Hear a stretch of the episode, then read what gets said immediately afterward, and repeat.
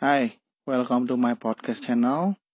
Ini sama Amri dari Blessing into Textile.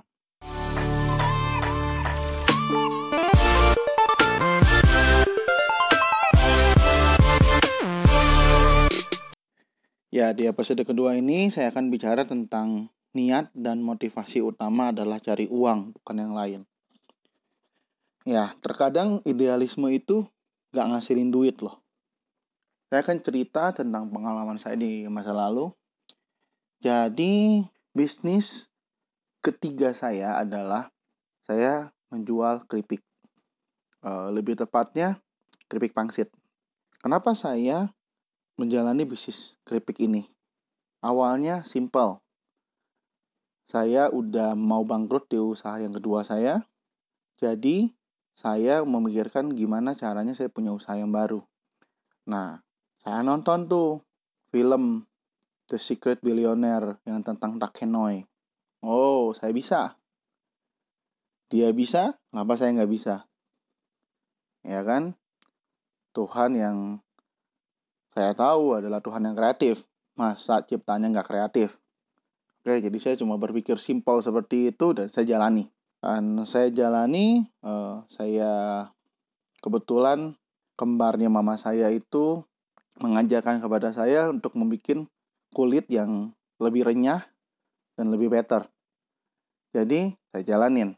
Nah, untuk di awal itu berjalan ya sangat lambat sekali, sangat-sangat lambat sekali, tapi saya senang.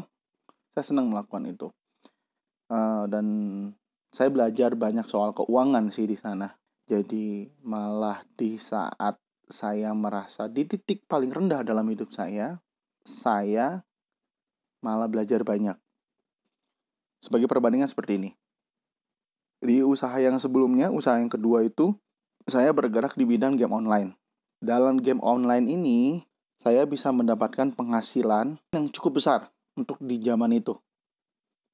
Nah, setelah saya berganti ke bisnis keripik, penghasilan saya per bulan itu bisa dikatakan saat dua hari penghasilan di bisnis game online itu sama dengan penghasilan satu bulan di bisnis keripik. Sedih ya, tapi saya belajar banyak dari situ. Uh, dan saya juga banyak dengar cerita-cerita uh, di YouTube. Uh, ternyata memang orang kalau mau naik itu harus terjun ke bawahnya agak dalam gitu. Jadi belajar banyak dari saat terjun di bawah itu dan baru dia bisa naik.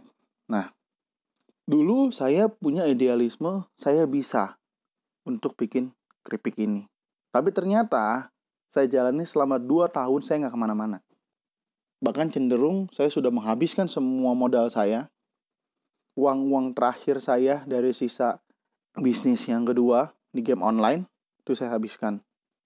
Nah, saya mencoba untuk berusaha segimanapun saya nggak bisa naik. Sampai setelah saya udah lewatin itu, setelah saya ganti bisnis ke tekstil, saya baru menyadari saya nggak punya sumber daya yang cukup untuk bisa naik di bisnis keripik. Kenapa? Saya akan bahas banyak ini di episode selanjutnya. Cuman saya nggak tahu di episode berapa, saya sedang konsep. Tapi yang pasti gini, menurut saya pribadi, saya nggak kuliah ekonomi, saya nggak kuliah manajemen dan lain-lain, saya cuma lulusan SMA. Yang saya yang saya pelajari dari saya mulai awal bisnis sampai sekarang, bisnis ada tiga jenis. Kita produksi, kita marketing, dan yang ketiga itu adalah jasa. Nah, saya itu nggak terlalu bagus di produksi sebenarnya. Tapi saya punya idealisme saya mau produksi. Saya yakin saya bisa. Nah, ini yang jadi masalah. Saya yakin saya bisa. Saya yakin bahwa dengan saya bertekun di sini, saya akan sukses. Dan banyak para motivator di luar sana bilang, kalau kamu punya ketahanan yang baik di bisnis ini, suatu saat kamu akan bangkit. Tapi pertanyaan saya, apakah betul seperti itu pada pada realitanya? Anggap yang se bukan sejaman, tapi memang saya sempat mengikuti yang namanya keripik yang dikeluarkan dua merek itu. Saya nggak akan sebut merek. Tapi betulkah sekarang juga udah turun banget penjualannya. Ya, mungkin teman-teman tahu lah keripik asli Bandung yang pedas-pedas itu, yang keripik singkong. Pada kenyataannya hari ini sudah dijual harganya murah sekali. Kemarin saya lihat cuma tinggal 15 ribuan. Dari dia jual 25 ribuan. Maka dari itu saya berpikir seperti ini. Bahwa idealisme itu nggak bisa. Idealisme boleh kalau kita punya resourcesnya. Kita punya sumber dayanya. Oke? Okay? Dan idealisme ini nggak ngasilin duit yang jadi masalah. Saya berpikir bahwa saya bisa untuk produksi keripik dan saya bisa untuk maju di sini. Orang lain bisa, kenapa saya nggak bisa? Tapi ternyata pemikiran saya salah. Nah, waktu saya ganti jalur nih ke tekstil, saya mengambil diri saya sebagai marketing. Karena waktu itu saya bisa dibilang calo lah. Gitu ya, teman saya punya barang, saya jualin. Nah, ternyata di sana saya berkembang pesat. Sampai ke titik sekarang. Ya, kain itu sesuatu yang saya nggak tahu sama sekali. Meskipun memang mama saya maklun spray. Tapi, saya pribadi itu nggak ngerti soal kain. Jadi, coba pikir lebih jauh. Saya nggak punya pengalaman apa pun. Tapi setelah saya jalanin 4 tahun, ternyata hasilnya wow. Ya. Coba bayangkan lebih jauh. Percayalah idealismemu gak akan menghasilkan uang kalau kamu gak benar-benar expert di bidang itu.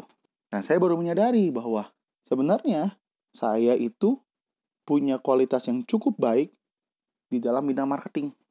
Waktu saya masuk di marketing, saya punya penghasilan lebih baik.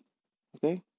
Jadi ini salah ini salah satu poin dari episode niat dan motivasinya harus cari uang. Saya ingin menyadarkan teman-teman di luar sana yang mungkin dengar podcast ini.